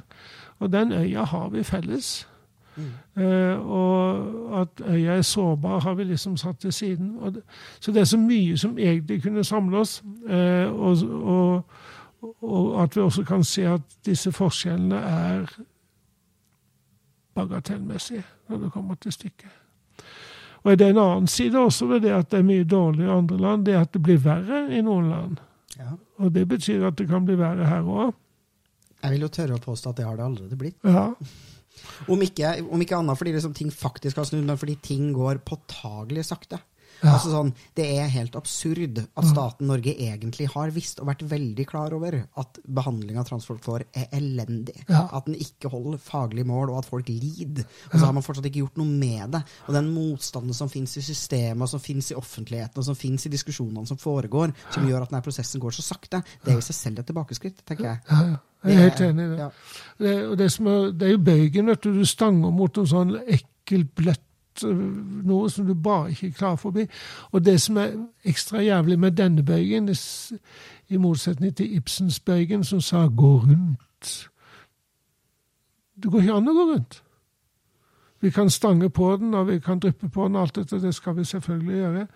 Men, men det, er, det er ganske massivt. Um, og, um, og det er på en måte det er så rart. For det er jo litt rart også. Så hva er det som gjør at, at dette skjer i det hele tatt? Hvor, hva er det som driver den motstanden? Mhm. Hva er, det, hva er det som er så farlig med trans, liksom? Nei, det er jo ingenting som er farlig, da. Det er jo at noen har bestemt seg for at, at man tror at det er noe farlig. Altså sånn, Ja. at, man, at man tegner et fiendebilde som ikke eksisterer. Og at man Det er bare usant, da. Alle ideene folk har om transfolk, de er rett og slett usanne. Ja. Eh, og det, det de er redd for, er noe helt annet enn det vi er. Og det er veldig vanskelig for oss å skulle både si da, altså enda en gang si at vi er noe annet enn det folk tror at vi er, men det er også veldig vanskelig å skulle motbevise noe som bare er så fjernt fra virkeligheten. Uh, og det er jo sånn konspirasjonsteorier på en måte fungerer. at Du vil aldri kunne motbevise det som Nei. bare er så langt unna virkeligheten uh, som deres ideer om oss er. da. Men jeg vet ikke. Jo, noe sånn. Og, em, og så er det jo eh, en ting som eh, en sånn, Det er en sånn bitte liten episode med en mann da, som treffer en annen mann. og så og den eh, ene mannen eh, er da veldig informert og eh, en ally, som det heter. Eh, og så kom de to mennene da til å snakke om dette. Eh, og så om det med trans og sånn, og så sier så sier denne andre da at ja, men det er jo så mange som angrer seg. Og Dette var jo da en eh, oppegående norsk mann, sistmann, som hadde den eh, kunnskap, da, hvis vi kan si det i anførselstegn, at det er mange som angrer seg. Hvor kom det fra? For det er jo ikke det. Jeg syns jo ikke vi skal gripe, men det er sånn ca. 1 som endrer syn på seg selv. Ehm, det er jo nesten ingen. Men noen har klart å formidle inn i den norske offentligheten at det er mange, og det er de vi må fokusere på. Ja. Eh, helt underlig at man ikke eh, forteller om de 99% som får et bedre liv. Og som vi har sett om igjen og om igjen og om igjen. og om igjen. Det er også empiri, som det heter. Det er også kunnskap. Det å se at, at ting virker sånn som du faktisk hadde trodd at det ville. Mm. Ehm, men nei. Nei, men de har jo en helt unik evne, for de sier jo bare Og unnskyldninga når man liksom også slår i bordet da, med forskning som viser sånn Det er, ingen, det er nesten ingen som angrer. altså Angreprosenten sammenlignet med all annen behandling er altså lik null. Folk angrer mer på abort og få barn og andre ja, reelt irreversible ting Ja, ja. Um, som har store konsekvenser for livet. ja. Eh, så, så, så får jeg en sånn følelse at man bare, bare sier sånn Ja, men uh, bare vent ti år. Så kommer du til å se, Da kommer det til å være veldig mange som mangler. For nå har det blitt så lett å få kjønnsbekreftende behandling. Og de er så unge når de får det nå. Og vi har liksom begynt å gi behandling til ikke-binære. Og, og det later som om transfolk, eller den gruppa man gir behandling til, er vesensforskjellig fra den gruppa man ga behandling til før. Og det har det jo aldri vært. Altså, Transfolk har alltid bare vært vi som vet at vi er trans. ja. Eh, og det vet vi jo om oss selv. Og de har liksom også en sånn unik evne til å vri på forskning på måter som er Og jeg tenker sånn Her er det jo helt opplagt at folk ikke lytter til forskninga. Folk lytter til en stemme inni seg som sier at det å være trans er dårlig. Og jeg vil forsvare det standpunktet for alt det er verdt. da. Og det er f.eks. når man liksom leser forskning sånn om at eh, nesten samtlige barn som får pubertetsutsettende hormoner, går videre og fortsetter å være trans resten av livet sitt og ønsker seg cross-sex-hormoner. Mm. Og så bruker man den forskninga ikke til å tenke at barn kan vite at de er trans fra ung alder. At pubertetsutsettende hormoner er viktig og riktig behandling. Mm. Eh, og at det er liksom, vi har redda masse, masse mennesker. Og også til å tenke at de verktøyene vi har for å finne ut av hvem det er som trenger denne behandlinga, er gode. Fordi vi treffer dem som får denne behandlinga, trenger den behandlinga. Istedenfor så tror man, eller så sier man, at man har gjort de her ungene trans ved å gi dem behandling, og at det er dårlig, og at fordi at så mange fortsatt er trans ti år etterpå, så burde man slutte å gi behandlinga. Og når du klarer å gjøre den tankefeilen og trekke den logiske som, altså helt ulogiske slutninga der, så tenker jeg da er det fordi inni deg så brenner det en flamme, på en måte, som er Jeg hater transfolk. Og jeg skjønner at de ikke tenker det, men de forakter, misliker og ser ned på transfolk på en måte som gjør at man kan få hele verden til å dreie seg rundt og bare klare å få det til å fremstå som at transfolk er dårlig. Og det er iallfall konsekvensen. Jeg er alltid litt forsiktig med å, å si at de gjør det for de og for de. Eh, Jeg sier at vi må skille mellom intensjon og konsekvens. Eh, Og det hender at vi mennesker gjør ting som blir jævlig, men uten å ha det motivet at vi skal gjøre det jævlig for den andre. Men det blir jævlig for den andre. Så du kan godt si der, sitte der og si at ja, men jeg mente ikke slik. Nei, men det var sånn det virka. Ja. sant? Og, og vi vet jo det fra før, så hvis man hadde vært litt orientert i faget, så vil man visst at eh, de som er kommet i tenårene, og som har definert seg som trans eh, i en god stund før det, de endrer ikke mening. Aldri gjort. Altså, altså før pubertetblokkens tid så visste vi dette, så det kunne vi sagt på forhånd at nei. Pubertetsblokken er bare et nytt redskap for at livet skal bli bedre, og at kroppen skal bli bedre å leve i. Det forandrer ingenting med hensyn på Og så er det jo akkurat sånn som Jeg lurer på om det er noen som tror, for noen ganger får jeg følelse av det, at det liksom går ut på gata, og så plukker jeg opp eh, 13-åringer, og så haler de inn på kontoret og sier at du skal ha pubertetsblokk. Man får jo inntrykk av det. Det er liksom som De har ikke noen historie før de kommer til, til eh, meg, for eksempel. Da. Nei da, det er liksom det, det er fra null til 100 idet du går gjennom min dør. Det, det, altså det, dette med å snakke om å være god behandling, en del av god behandling, det er å kvalifisere den personens historie. Og den begynte ikke i går. Og de foreldrenes historie, den begynte heller ikke i går. Og, og de foreldrene har jo gjerne vært gjennom en periode hvor har sagt ja, men Ole Petter, du er jo gutt, ikke sant? se på tissen din. Eh, og så hadde de skjønt at det virker ikke. Og så skal du sitte der og være en slags guddom som vet bedre enn Ole Petter, og du vet bedre enn foreldrene til Ole Petter, som egentlig, ikke som egentlig er Karianne, da. Men, men ikke sant? Det er så merkelig. Det er så va kan det er vanskelig å forstå hvordan andre mennesker tenker. Jeg plukket favnen full av prestekaker. Forstår du oss? spurte Chris prestekakene. Nei, sa jeg. Men jeg tar deg med hjem likevel. Og for meg er det en sånn ting at vi skal ikke ta mål av oss av å kunne intuitivt forstå andre mennesker, men vi skal se deres indre skjønnhet. Eh, og selvfølgelig ta det med hjem.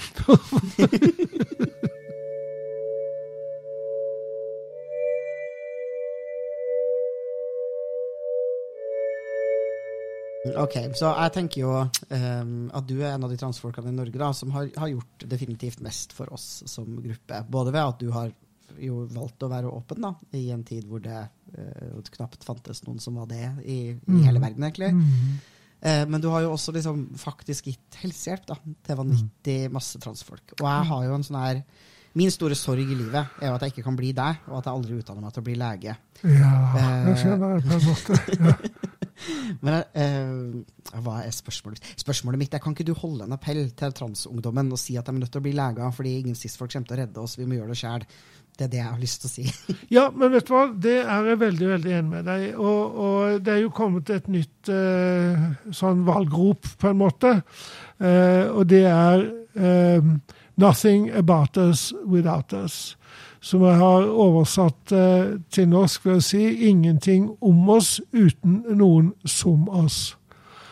Eh, og jeg tror du har helt rett i det. At, eh, at enten må du ha folk som har vært allies lenge nok til virkelig å kunne leve seg inn i hvordan våre liv er, eh, og som da kan eh, skrive hormoner, og som kan snakke med folk.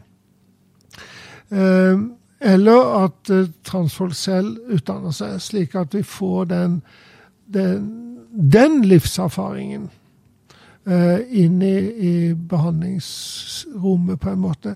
De dukker jo opp. Og det kan jeg si bare for å si noe litt hyggelig, at når, når Elsa og jeg da begynte å møte andre behandlere som jobber med dette, så var det gjennomgående menn i blå dress og slips. Og, og de var i stor utstrekning psykiatere som var vennlige, også for meg, men hvor jeg merka denne avstanden. ikke sant? Så jeg fikk en slags følelse av at mange tenkte ja, men han er jo sjuk. Mm. Og så har jeg jo sett hvordan det har endra seg. Eh, hvordan det er blitt mye løsere i snippen. Det er ganske mange skeive folk inni dette. Det hjelper. Det å ha en skeiv erfaring hjelper i forhold til å kunne være trygg overfor en annen skeiv erfaring. Mm. Eh, og så er det jo mange transfolk som gjør dette.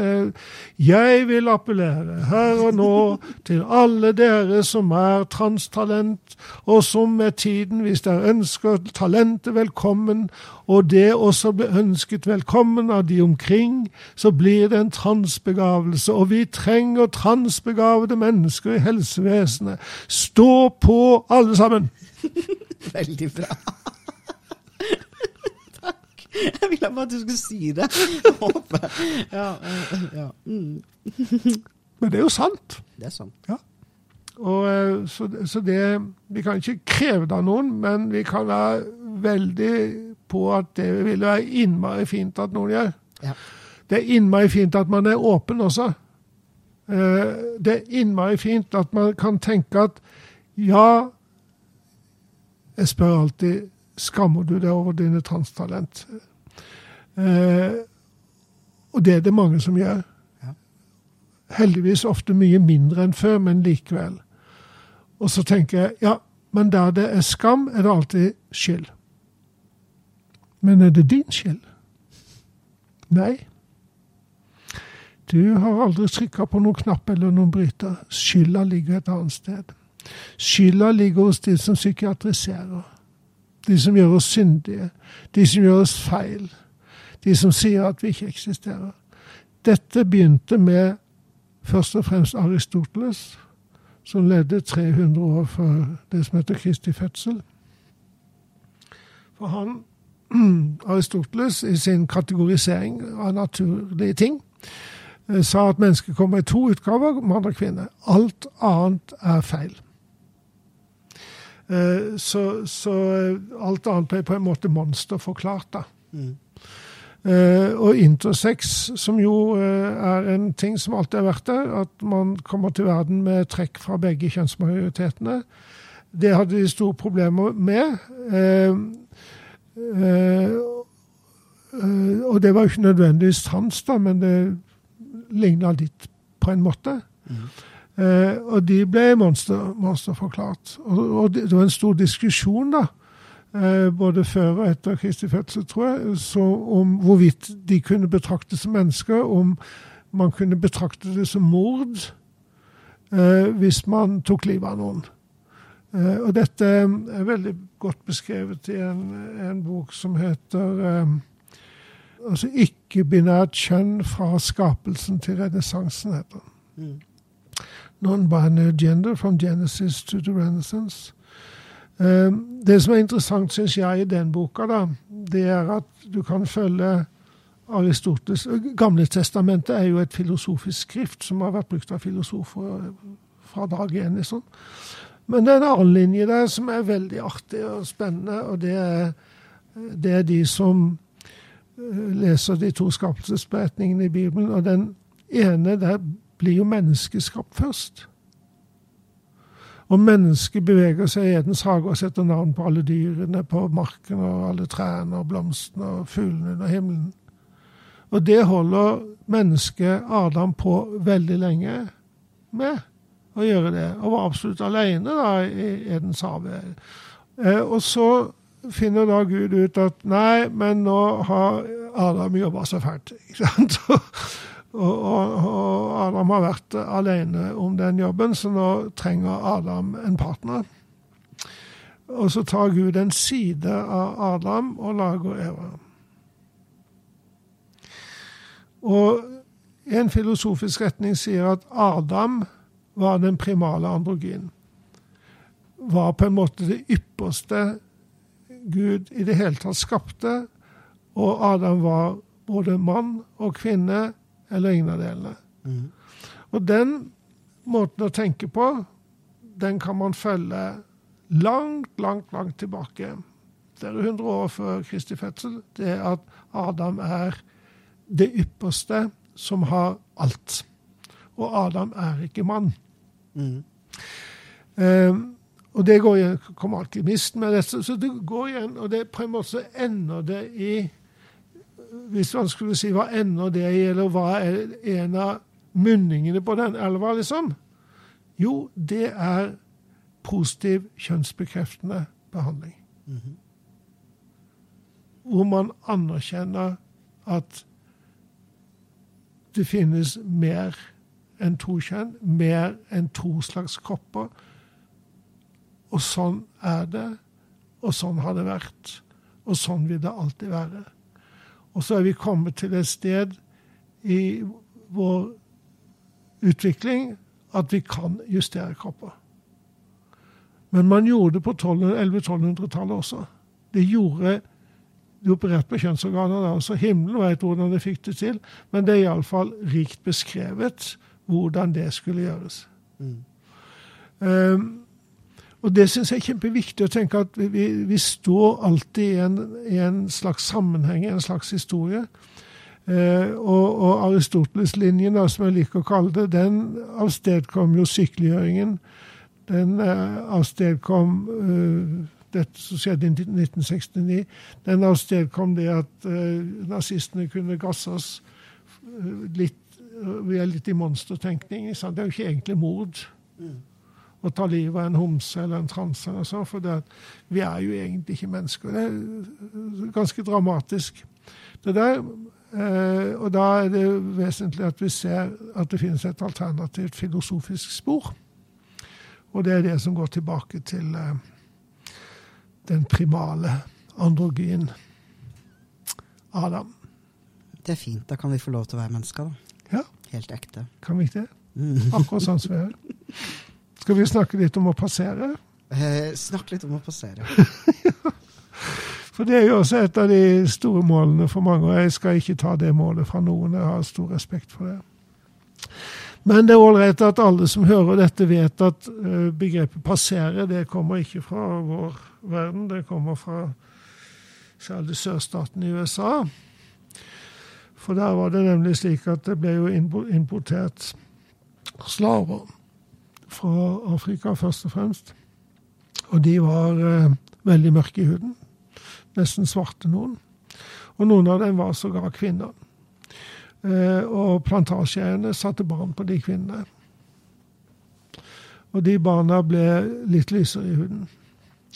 Og de hadde også evne både til å elske og bli elsket, så de laget barn med andre igjen. Og så laget de barn og de barn. Og et godt stykke ned i den arverekka så kunne du pass as white. Passere som hvit. Underforstått white is right. Hvit er det beste. Og så er dette av en eller annen grunn blitt adoptert inn i sansverden, og jeg forstår det, men har hatt ubehag med det lenge. Eh, og så har jeg tenkt at ja, men hva, hva betyr det for oss? Jo, å passere betyr å bli oppfattet som cis. Mm. Kan vi bli cis? Nei. Vi kan ikke det. Eh, Iallfall hvis cis betyr samsvar mellom kjønn forventet ved fødselen og kjønn opplevd siden, så kan vi bare bli det ved å gjøre vold mot oss selv. Så og også underforstått cis is right. Så det syns jeg iallfall vi skal tenke over. Eh, og, og, jeg syns vi skal tenke over at, at eh, Jeg kaller det for transestetikk. Altså skjønnheten i friheten, på en måte. Eh, skjønnheten i det å ikke være redd for at noen tenker kanskje du ble født med utover- eller innovertiss. For det ble vi jo. Ja. ja. Eh, og, og si at, eh, at eh, jeg, jeg er så stolt av det jeg er. Og jeg er så glad for at jeg hadde ryggrad nok til jeg ikke blir slått flat av de som kanskje ikke ville meg vondt, men som definitivt gjorde meg vondt. Det må gjerne de som hører på dette, fundere på. Jeg opplever jo at, at transfolk som grupper da, altså skammer seg mindre, har fått og kjempa oss til, da, dryppa litt hull i steinen og fått litt mer plass i verden. Ja, ja. Så jeg føler jo at folk kanskje har et litt mer sånn bevisst forhold til, til passering. Ikke som et mål, og ikke som et uh, ønske om å liksom skulle tilbakeholde informasjon om seg selv, eller ikke leve fullt som seg selv, men at det er et verktøy i møte med en verden som jo faktisk diskriminerer deg. At man tenker at nei, cis er ikke bedre, men det å bli forstått og antatt å være cis, er trygghet, da. Det er tryggere. Ja. Eh, Jeg er helt enig i det. Eh, ja, ja, det vil jeg anta at du er. Men, Ja. sånn, men jeg føler også at denne transestetikken at, at det er flere transfolk nå, og ungdommer, som syns at, at ting som er tydelig trans, er vakkert. da. Ja.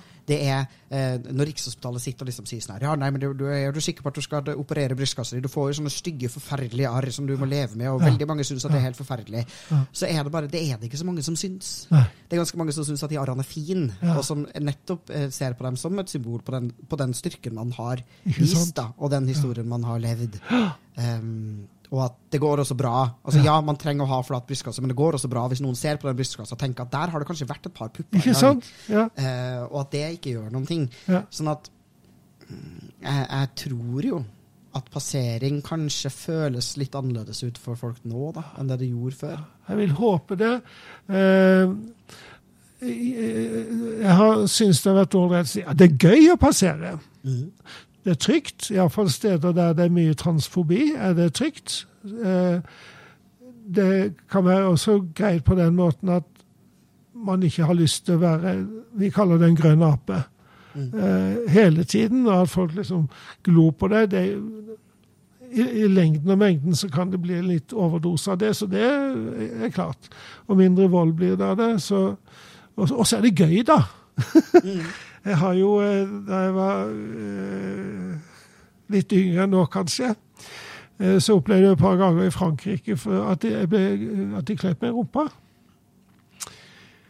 Og da sa jeg alltid 'merci'. Ja. ja. Ja, jo det. For det var jo altså Man kan se på det på mange måter, men, men for meg var jo det bare en, en type bekreftelse som jeg syns der og da både var morsom og veldig god. da, Veldig betryggende på et vis. Selv om det egentlig gikk over mine grenser, så var det så var det. det. Så, eh, så når jeg sier dette med, med passering, så er det mer for at jeg syns vi skal reflektere over det. slik at ja, men vi, vi, i den utstrekning vi gjør det, så er det for at folk skal ikke snu seg etter oss hele tiden. Og vi gjør det som veldig få gjør i utgangspunktet, i alle fall. Men at det er tryggere. Ja. Det er det viktigste. Men jeg tror du også har rett i at altså for ditt eget selvbilde og forståelsen av deg selv som verdifull i verden, så bør Ja. man eksponere seg for ganske mye altså transfolk, da, og hvordan vi faktisk ser ut. Ja. Og Istedenfor liksom å tenke at man, skal, at man skulle ønske at man hadde kropper som var mer lik cis-folk sine kropper, så burde Ja. man se på at så fin transkropp jeg har. Og Ja. se på andre transfolk og si sånn herregud, så vakre de transfolkene er. Og der tenker jeg jo at Der føler jeg jo at ungdommen skulle også si inkludert meg selv, for så vidt. da. Men det å leve i en verden hvor man jo faktisk har sett, for det har jo jeg, mange, mange hundre transfolk. Ja. Eh, mange tusen transfolk fordi jeg har internett. Så jeg kan se bilder av transfolk. Ja. I, eh, I min feed på Instagram så fins det nesten ikke en cis-person. Liksom. Det er bare nydelige transfolk. Jeg har sett massevis. Ja. Altså tusen transfolk naken òg.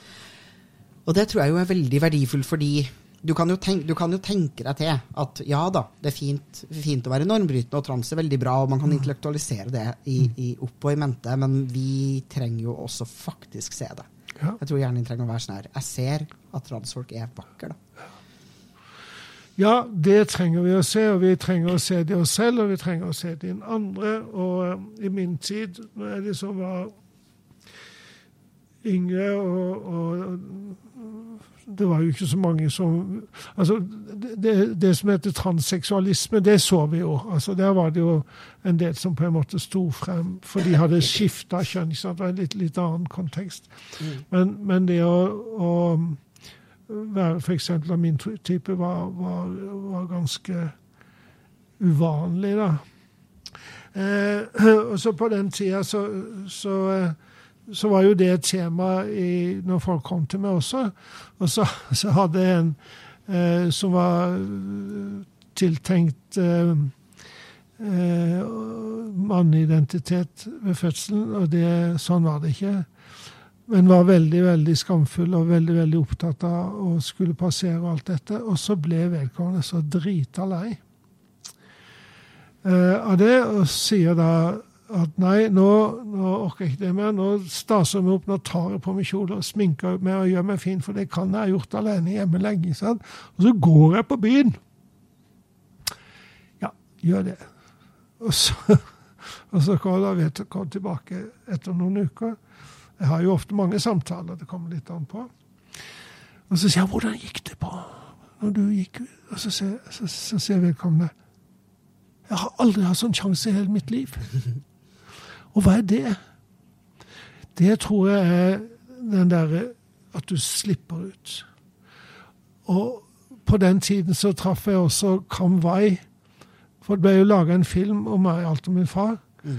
Eh, så jeg var liksom litt filmstjerne og ble invitert til filmfestivaler både her og der. Og traff Kam Wai i Amsterdam. Kam Wai er fra Hongkong. Og, og, han holdt et foredrag. Og så sier han da eh, at jeg sier aldri om meg selv at jeg ble født i feil kropp. For hvis jeg hadde blitt født i en annen kropp, så hadde jo ikke jeg vært meg. Mm. Da slutta jeg med feil kropp-uttrykket, mm. for jeg tenkte det er så sant. Og, og, i det ligger jo også denne anerkjennelsen av seg selv. Altså at jeg er, og jeg er i den kroppen jeg har. Og den kroppen hadde vært viktig for meg å justere, for da er den så mye bedre å bo i. Den bekrefter meg så mye mer. Men jeg er, og jeg er ikke feil. Mm. Det er ikke noe feil med min kropp. For det, og, og, og der kommer jo også dette med kroppskorrigerende behandling, som er også et ord jeg, jeg avskyr. For, for det, det, antyder at det er noe som altså, Å ha en korrekt kropp Det blir feil. Mens å justere den eller modifisere kroppen, det er noe helt annet. Mm. Um, og det er jo mer tilgjengelig enn det var før, og sånn er det. Og Jeg er helt sikker på at det kan føre til at noen kommer til å føle at det gikk for langt. Det, det vil jeg tro. Men det må vi leve med. Vi må leve med at uh, noen dør på operasjonsbordet når de skal fjerne blindtarmen. Vi må leve med at folk gjør ting de angrer på. Ja, det å leve medfører en viss risiko. Ja, det, sånn er det. Og det er klart, hvis vi kan hindre det, hvor vi ser at du er på ville veier, liksom Jeg har jo jeg har aldri sett det. Altså, den, den virkelig liksom sånn ekte angre Jeg ville aldri ha gjetta på det. Og ingen test ville avslørt det. Det er den eneste testen som kan avsløre hvor, at man tar mer eller mindre feil av seg selv. Det å gå inn i det rommet og se hvordan en har det der inne. Ja Jeg syns det var vanskeligere å snakke om meg sjæl enn å snakke om eh, det politiske og det faglige her. Jeg vet ikke riktig hvorfor det, men eh, Personlig er noe politisk, da? Hæ? Det personlige er jo politisk. Ja, ja visst er det det. Alt, alt er jo det. Eh, og vi er jo her igjen ifølge himmelens dronning. Vi er her, er her, for å elske og for å bli elsket. Ja. Husk det.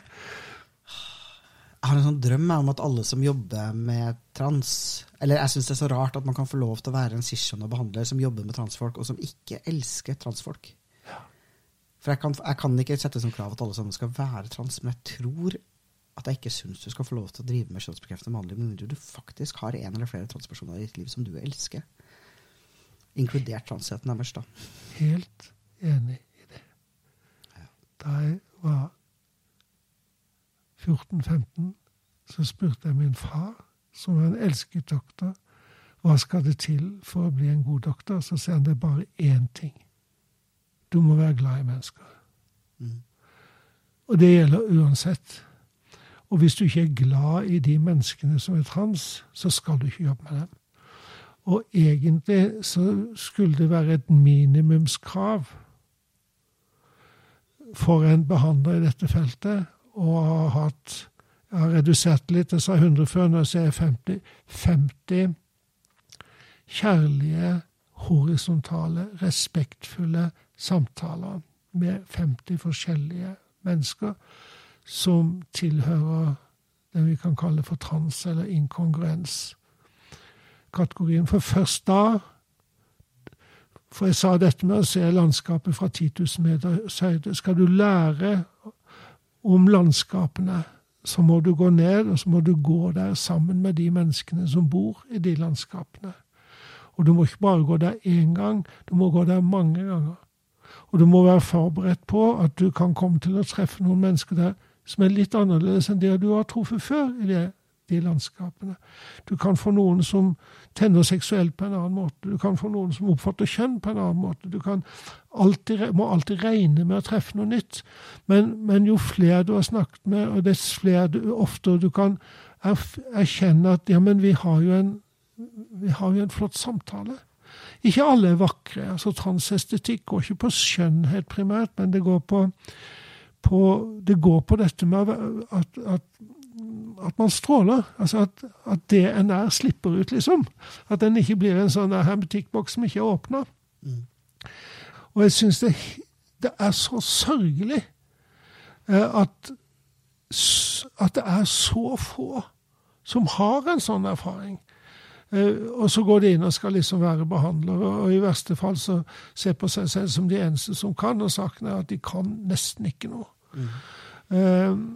Og, og, og, altså det er perverst på den måten at hvis målsetningen er å, å drive med eh, seksuell og kjønn, kjønns- og seksuell helse, og, være, ha respekt for menneskerettighetene og den enkeltes rett til å være seg og uttrykke seg sånn som det faller naturlig for dem å gjøre, hvis man, hvis man, ikke gjør det jobben sin, så må man jo ha det jævlig.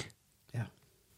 Det har alltid fascinert meg. Altså, det mener jeg det er, sånn, det er en av de tingene jeg tenker veldig ofte ja, på. Ja. Hvordan det kan ha seg at de menneskene som jobber på Rikshospitalet, kan ligge om kvelden og tenke på hva de skal gjøre dagen etterpå, og ikke bare slutte.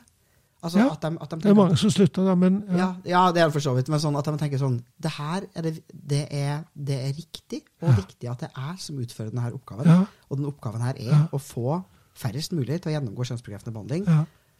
Og at man også bare kan høre på at så mange folk snakker offentlig om hvor forferdelig de synes det har vært å vært der, ja. og så bare avfeier man det som om det ikke betydde noen ting. Ja. Jeg syns det er så fascinerende. Jeg blir helt sånn Hvordan får du sove om kvelden? Men du vet, altså Mennesker har blitt forført av sin egen fortreffelighet. Før i tiden. Eh, forført av sin egen oppfatning av sin egen fortreffelighet. Det må jo legge det til. Um, nei um, Pass dere for det selvrettferdige. Ja. Vi må jo eh, avslutte dette med, med Jeg har jo to sånn favorittdikt som jeg bruker. Et på engelsk og et på norsk. Eh, av mine egne. Mm. Jeg kan ta begge lett de. Du kan jo klippe. Jeg kan klippe, så ta ja, begge. Ja, da får jeg begge. Og, og, den første, det er jo dette engelske, da.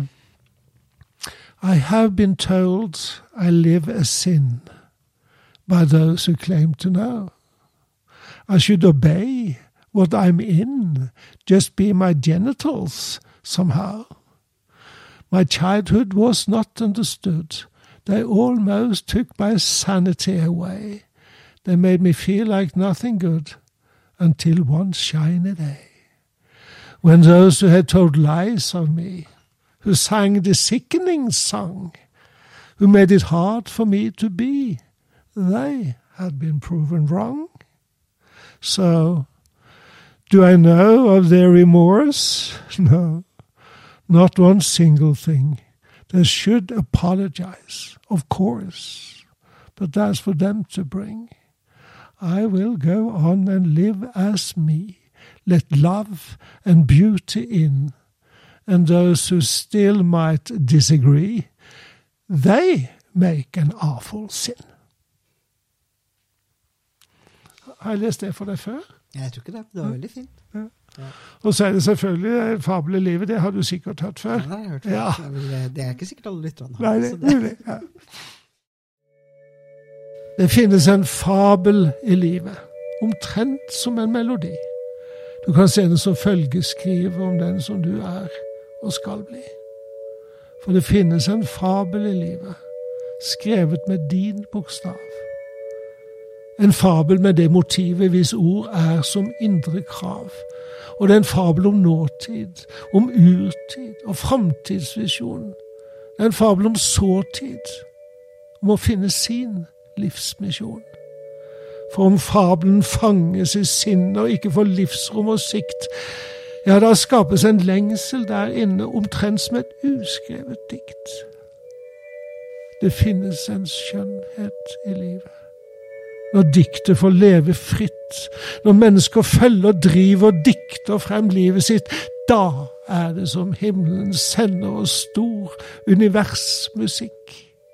Den åpner, den snur, og den vender på alle talent som vi fikk.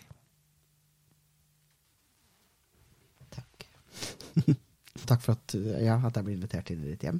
Og Ja. eh, så vil jeg jo for alltid være deg evig takknemlig for den veien du gikk foran meg, så det var mulig for meg å være aktivist. Og også for at du har gitt meg noen veldig nyttige verktøy for å forstå meg selv som et verdifullt menneske som har lov til å ta plass i verden. Det tenker jeg at du har gjort for veldig mange andre transfolk òg. Så det um, Jeg ble spurt hva som skulle stå på min gravsten. Og så sier jeg der tror jeg det skal stå at i hens fotspor ble det lettere for andre å gå. Ja. Det syns jeg det skal stå. Yes. Der ble jeg litt rørt. Ja. jeg har vært rørt i to timer nå, så jeg har vært rørt lenge.